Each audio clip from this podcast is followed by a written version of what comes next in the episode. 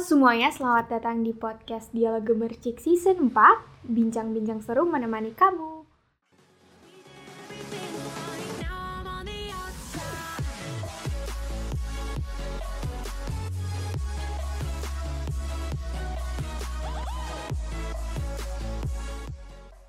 Balik lagi bareng Dila dan Alia di podcast kali ini Halo Alia Hai Dila Oke, Alia baru bersuara ya Iya, dari opening tadi apa Oke, kabar? Oke, baik-baik, alhamdulillah. Semoga eh, Alia juga sehat-sehat ya. Alhamdulillah.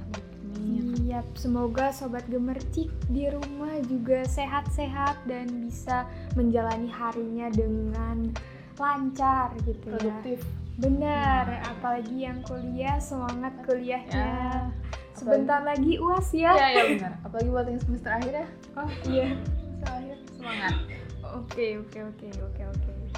Nah, kali ini nih di podcast episode kali ini kita akan membahas sesuatu yang sudah cukup familiar di telinga kita, istilah yang cukup familiar Iya. nih, yaitu soft skill dan hard skill. Skill lah ya. Iya, ya Apalagi buat mahasiswa mungkin udah familiar ya sama, Mm-mm. sama hard skill dan soft skill Iya benar dan kita akan mm, berbincang hal menarik mengenai soft skill seputar soft skill dan hard skill ini gitu ya. Ini ada data yang menarik nih Alia dari Harvard Harvard University. Bentar, itu gimana ya bacanya? Eh, Carnegie Foundation and Stanford Research ya. Center Amerika Serikat gitu ya katanya mengatakan bahwa soft skill itu bertanggung jawab sebesar 85% bagi kesuksesan karir seseorang sementara hanya 15% disematkan kepada hard skill. Ternyata perbandingannya gede banget ya Iya benar. Antara hard skill dan soft skill tuh gede banget Iya, perbandingannya gede banget. Oh. Ada data lain juga nih. Hal ini juga dikuatkan katanya oleh kajian yang dilakukan oleh Depdiknas eh, Republik Indonesia pada tahun 2019 yang menyatakan bahwa kesuksesan seseorang dalam pendidikan 85% ditentukan oleh soft skills. Nah, bahan buku Lesson from the Top yang ditulis oleh Thomas J. Neff dan James M. Citrin apa ya di dibacanya Citrin kali ya. Pada tahun 1999 itu katanya mengatakan bahwa kunci sukses seseorang ditentukan oleh 90% soft skills dan hanya 10% saja yang ditentukan oleh hard skills. Nah, kalau lihat dari data-data ini menarik banget ya Menarik kalau banget sih. kita gali gitu ya.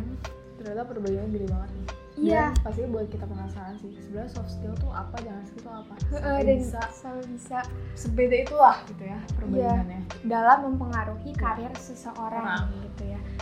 Oke, tanpa berbahasa-basi Basi lagi. gitu ya mungkin yang lain juga pada penasaran Iya, bener banget. Coba Alia, kira-kira soft skill itu seperti apa? Bisa apa ya? Secara ringkas gitu. secara ringkasnya sih soft skill itu merupakan kepribadian ya Hmm, itu tuh oke. sebuah apa ya skill yang sebenarnya udah ada sih kemampuannya kan dari Mm-mm. dari diri sendiri gitu misalkan contohnya nih kemampuannya ada kemampuan komunikasi gitu public speaking kepemimpinan gitu dan soft skill itu hmm, apa ya udah ada lah dari diri sendiri gitu Hmm. tinggal kita yang cari sebenarnya Cari kan dan Ya, menggali gali- gitu ya. menggali lagi sebenarnya Oke, apa sih soft skill kita tuh udah segimana gitu Mm, mm, mm, mm, mm. kalau hard skill tuh apa sih Nah, kalau ini eh, dilansir dari laman The Balance Career, hard skill itu suatu hal yang bisa kita peroleh dari edukasi formal seperti sekolah atau perkuliahan, terus juga eh, misalnya pelatihan, seminar, magang, eh, kelas-kelas online. Nah, seperti itu. Jadi lebih ke hal-hal yang dipelajari dan eh, bersifat akademik gitu nggak sih? Kalau hard skill tuh Nah, kalau soft skill itu kata artikel ini nih yang dibaca, kalau hard skill kan bisa dipelajari gitu ya. Nah, kalau soft skill itu katanya merupakan atribut bawaan kita sebagai individu. Gitu. Jadi, ini tuh nggak dipelajari, tapi dibiasakan dengan cara lebih sering berinteraksi gitu loh.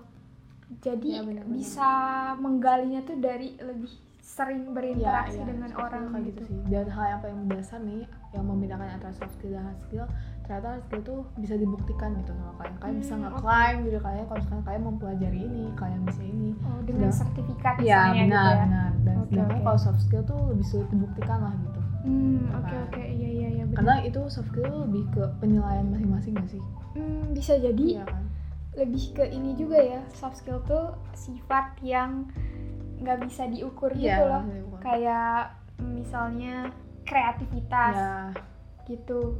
Mungkin bisa dilihat cuman Hmm. gimana Iya, ya? Nggak bisa ditilainya tuh berapa gitu. Eh, iya Ya, bisa bener jadi sih. kayak gitu ya.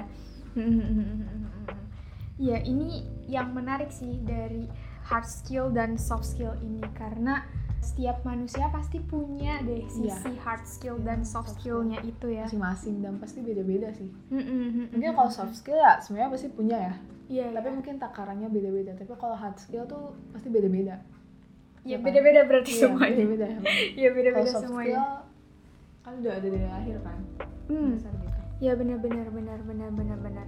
Nah eh, balik lagi nih ke data yang tadi karena menarik banget nih ya.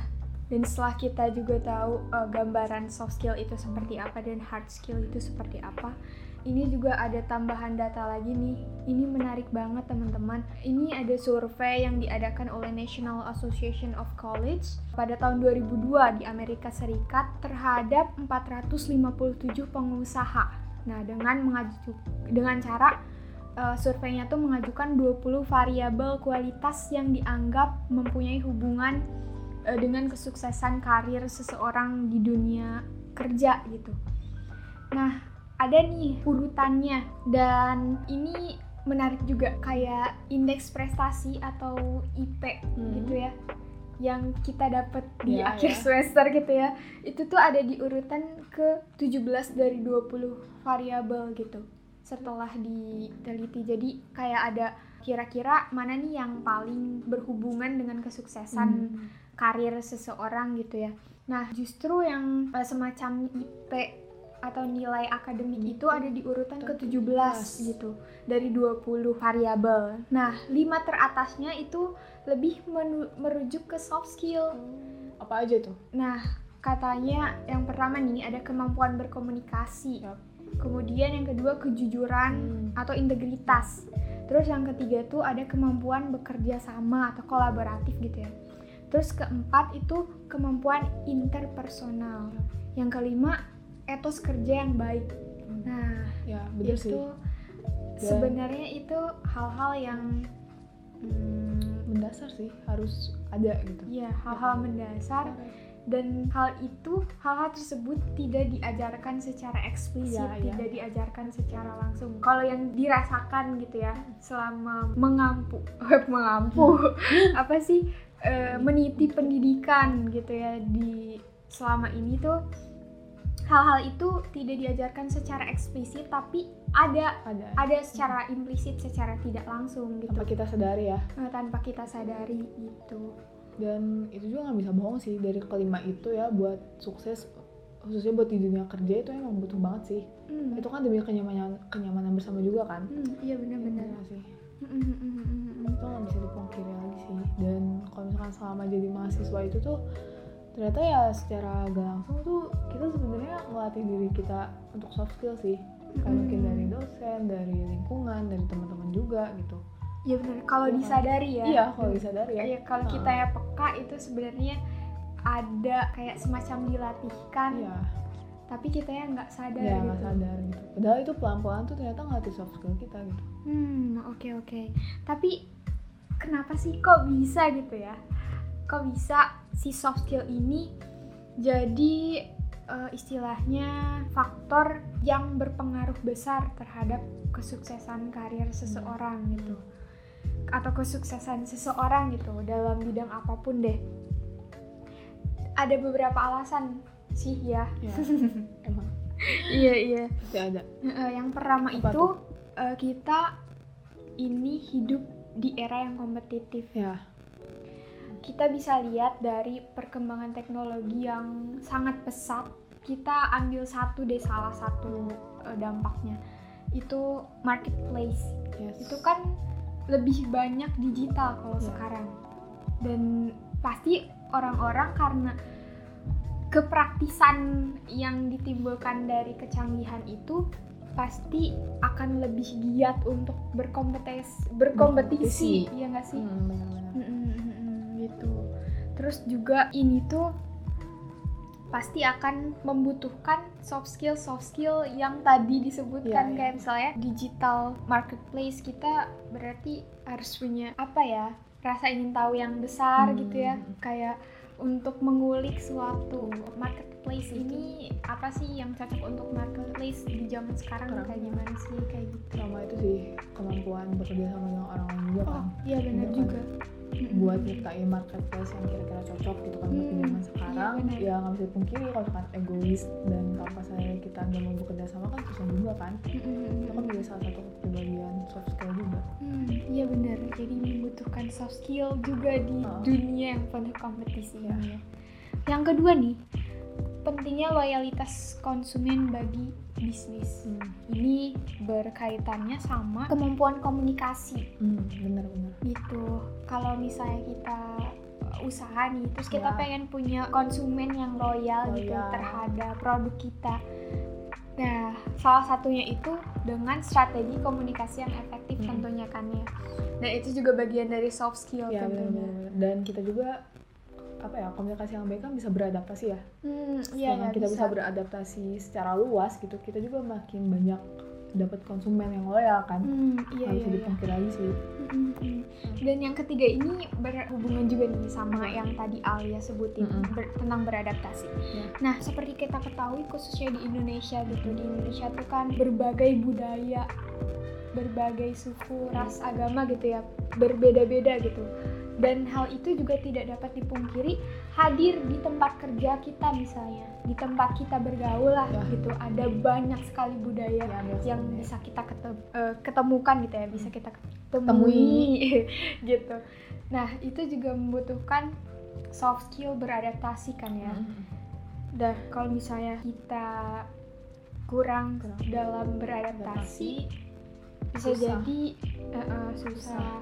terus bisa jadi hal-hal lainnya apa ya kayak iya sih lebih ke susah dan kayak apa ya sayang aja gitu mungkin banyak hal-hal yang dari budaya lain tuh yang bisa kita dapat tapi kita karena kurang beradaptasi jadi kita nggak dapet gitu Hmm, iya dan Nah, juga selain itu jadi mengungkung kita kali ya, Hmm. mengungkung kita untuk nggak bisa berinteraksi. interaksi sayang juga lah apalagi Hmm. sebagai mahasiswa gitu kan Hmm, iya. banyak iya. banget lah lingkungan yang beda-beda gitu orang-orang yang beda-beda jadi sayang banget kalau kalian membatasi untuk beradaptasi gitu Hmm, oke di oke. ini Hmm, hmm, hmm, ya kenapa kita butuh beradaptasi sih saya jadi salah satu soft skill juga sih Oke oke oke. Nah alasan lain pentingnya soft skill ini Hmm. nih eh, yaitu jejaring relasi yang eh, luas. Hmm. Nah ini tuh bisa memperluas networking kita. Ya, ya. Kalau misalnya kita punya soft skill soft skill tertentu kayak misalnya tadi deh yang udah disebutin soft skill berkomunikasi, Mm-mm. beradaptasi, Mm. eh, berkolaborasi itu kita punya jejaring relasi yang Ya, luas dan kalau misalnya kita punya relasi yang luas pasti kesempatan-kesempatan akan menghampiri kita lah makin banyak lah Iya. kesempatannya gitu makin banyak gitu ya terbuka. kita terbuka buat Gitu. kita gitu Iya Iya benar-benar. Mm-mm. Nextnya nih ada leadership yang baik katanya. hmm, kepemimpinan Iya, karena kita nggak dapat memungkiri selain kita memimpin diri sendiri, kita juga bisa jadi memimpin banyak orang. orang ya Apalagi nanti kalau di dunia kerja gitu ya, di dunia kerja itu lebih ke bisa jadi kita misalnya jadi bos gitu. bos jadi manajer gitu kan atau Iya, jadi benar. kepala apa gitu Mm, gitu. aku mungkin ya bisa dilihat dari semenjak dari mahasiswa aja sih mungkin jadi ketua kelompok gitu kan Hmm, kepemimpinan iya, iya, benar, angkatan atau bahkan di organisasi gitu kan Iya, iya itu benar bisa. leadership itu emang bener-bener dibutuhin lagi karena apa ya mungkin selama dia mahasiswa mungkin kelihatannya cuma hanya sebagai ketua kelompok atau angkatan tapi kan itu apa ya bisa berpengaruh buat di dunia kerja nanti kan itu kan juga Hmm. sebagai latihan sih jadi Oh iya iya. ya meskipun kita sekarang masih mahasiswa juga ya harus memperhatikan leadership kita sih Hmm, mengembangkan oke, leadership oke. Eh, eh, tapi kalau menurut Dila sendiri yang poin eh, mendasarnya adalah memimpin diri sendiri iya dulu emang gitu ya kan. sendiri. Iya. Iya sih Mm-mm. kadang kita malah nggak memperhatikan diri sendiri dulu mah Iya, ya benar. kan bener kan Iya, Padahal kita benar. tuh mau diri kita sendiri dulu jadi Iya. kita bisa belajar dulu dari hal terkecil ya kayak memimpin diri sendiri tuh gimana. Iya benar-benar. Nah selain tadi ya Hmm. kayak komunikasi, terus juga skill berkolaborasi, beradaptasi, relasi relasi gitu ya. Ini juga ada soft skill soft skill yang lain nih. Hmm. Tadi juga udah disebutin sih kayak etos kerja, sopan Oh, santun, itu juga bagian dari soft ya skill. bener-bener Terus kerja sama, disiplin dan percaya Hmm. diri, penyesuaian diri terhadap norma-norma. Nah ini lebih ke adaptasi itu tadi ya. Terus kecapa- kecakapan berbahasa juga bagian dari soft skill gitu. Tapi ternyata itu juga ya termasuk dalam kepribadian juga ya Mm-mm, bisa jadi. karena ya soft skill sama kepribadian itu berhubungan gitu dan itu tuh bisa bisa diubah bisa dirubah gitu Mm-mm. apa yang tadi kita bilang kan misalkan dari lingkungan terus kita secara nggak sadar ya sebenarnya itu tuh bisa mempengaruhi soft skill kita. Iya benar-benar. Nah balik lagi nih, karena soft skill itu penting ya. Hmm. Kalau dari pembahasan kita tadi Ya. sampai sekarang oke soft skill tuh penting gitu. Tapi tadi sempat di state sih di awal kayak hard skill bisa dipelajari sedangkan soft skill tuh lebih ke diterapkan dan dilatihkan gitu. Tapi sebenarnya soft skill bisa dipelajari nggak sih menurut Alia nih? Menurut aku sih bisa. Oke gimana tuh? Apa ya? Caranya kayak tadi aku sih mungkin dari lingkungan mungkin misalkan ya dari lingkungan misalnya aku berteman sama dia terus aku melihat dia oh ternyata dia kepribadiannya kayak gini ya gitu. Mhm. bagus juga gitu. Kan itu bisa jadi pelajaran juga kan buat Hmm, kita oke, gitu oke, sih. oke, oke. mungkin lihat dari apa ya dari orang kali ya. Hmm, Kalau aku, oke. lihat dari orang lain gitu. Soft skillnya orang lain itu misalkan cara dia berkomunikasi gimana Oh, cara oke, dia oke. bermimpi gimana kayak gitu sih. Jadi lebih ke istilahnya apa sih? Jadi role lah gitu. ya jadi role gitu ya. Oh iya iya kalau bisa juga ya. apa sih? Kalau Gimana? Lebih tepatnya sih diterapkan gitu. Oh iya. Dan- ya gak cuma jadi apa ya panutan doang kan ya? Jadinya harus diterapkan juga. Iya diterapkan.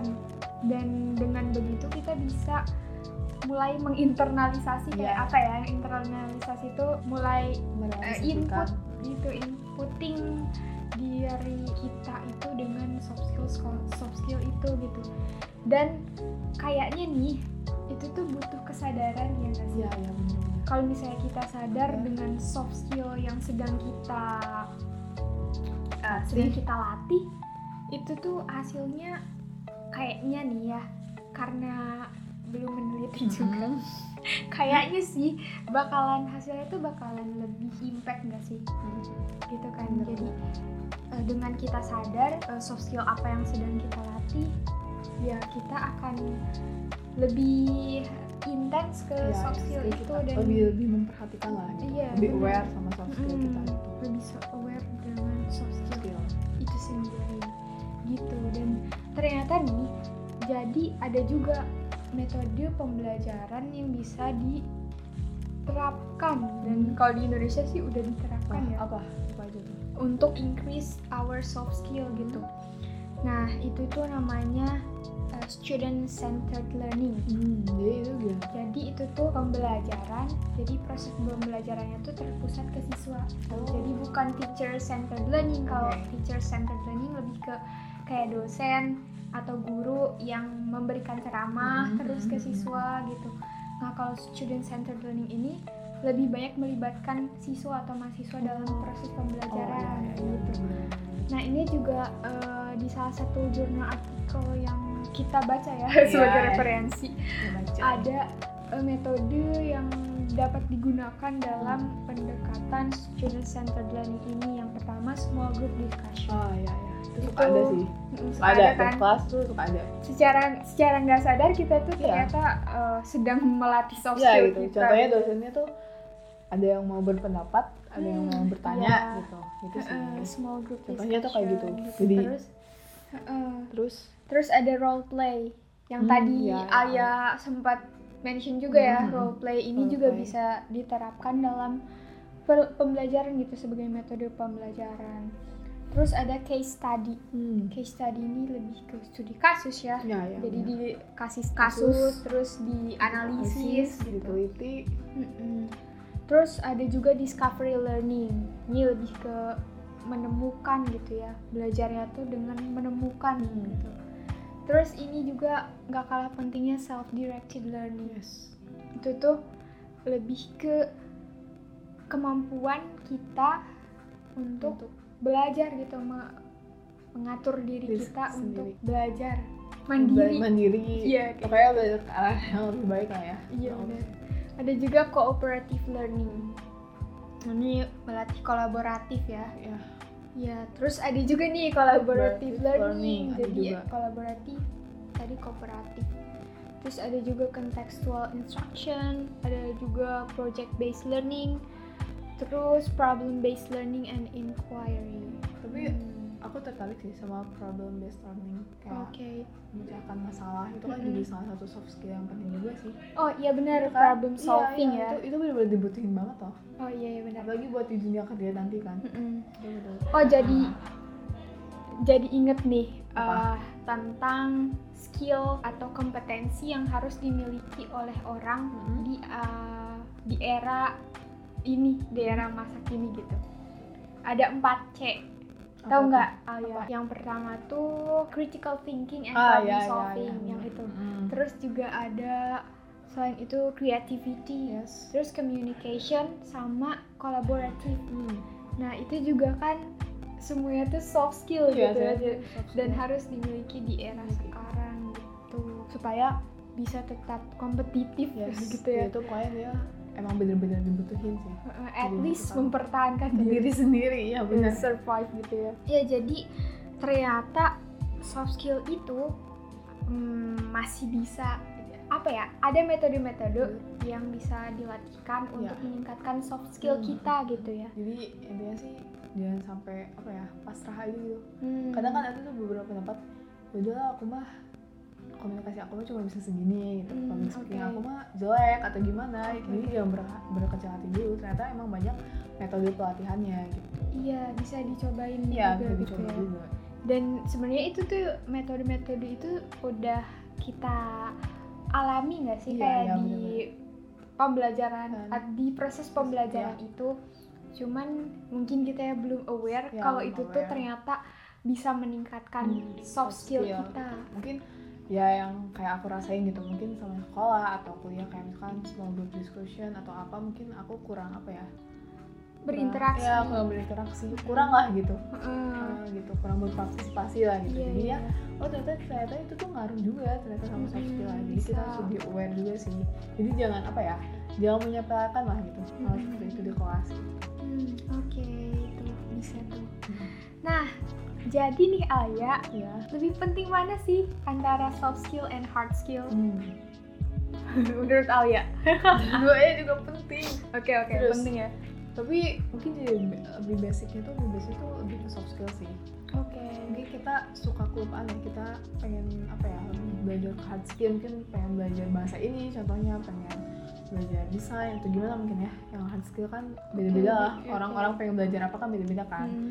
Tapi mungkin padahal ya biasa juga ada di soft skill gitu. Kadang kita kan juga suka merhatiin soft skill mungkin kayak komunikasinya ternyata kurang beradaptasi beradaptasinya kurang kepemimpinannya kurang gitu. Padahal itu juga dibutuhin gitu buat apa ya? Kata dia tadi buat memperhat mempertahankan diri sendiri kan? Iya. Heeh, gitu. Jadi justru juga penting sih. Apa ya? Asal kitanya perlu lebih aware lagi sih. Hmm. Oke. perlu lebih aware lagi. kalau dia apa? Kalau menurut Dila antara hard skill and soft skill itu kayak berhubungan gitu Hmm, loh, nggak bisa benar. dipisahkan. Hmm, benar, gitu karena kalau menurut Dila sendiri saat kita mau melatihkan our soft skill itu juga hard skill bisa berpengaruh Iya. kayak berkontribusi lah Hmm. dalam melatihkan soft skill kayak misalnya kita mau belajar komunikasi nih Hmm. diskusi dengan Alia gitu ya. Dila dengan Alia mau diskusi nah itu kan harus ada topik Iya, tuh iya, kayak iya. topiknya tuh apa nah bisa dari dari hard skill hard skillnya misalnya eh, tentang pelajaran kayak ya gitu itu yang jadi itu tuh saling berkesinambungan Iya sih. gitu dan kalau kita ingin memaksimalkan our hard skill Hmm. kita perlu soft skill, Soft skill kayak juga, ya. Manajemen waktu Yes, itu benar. susah banget ya beda ini jangan ditanya dulu ya Oke. itu susah banget manajemen waktu terus kreativitas apalagi yang tadi tuh banyak banget critical eh, thinking critical juga. thinking iya kayak gitu tuh akan berkontribusi dalam upaya kita memaksimalkan our hard skill gitu Yes. jadi itu tuh ber- berkesinambungan gitu loh bener bener jadi saling eh, saya melengkapi ya. saling melengkapi Iya, dan saling membutuhkan Iya, satu sama nggak lain bisa dipisahin gitu. sih iya kalau menurut Dila kayak gitu jadi Bener-bener dua-duanya penting penting lagi Iya, buat mahasiswa sih Mm-mm. buat di dunia kerja nanti Iya bisa. Paling yang di highlight itu adalah our awareness gitu. Yes. Jadi karena kita sekarang udah tahu nih Mhm. soft skill itu ternyata penting, penting juga. juga Jadi our awareness eh, nggak hanya fokus ke hard skill tapi juga bisa mulai mencoba melatihkan our soft skill gitu supaya bisa saling memaksimalkan antara skill-skill Iya, itu iya, iya. gitu. Gitu kalau menurut Dila. bener setuju Oke.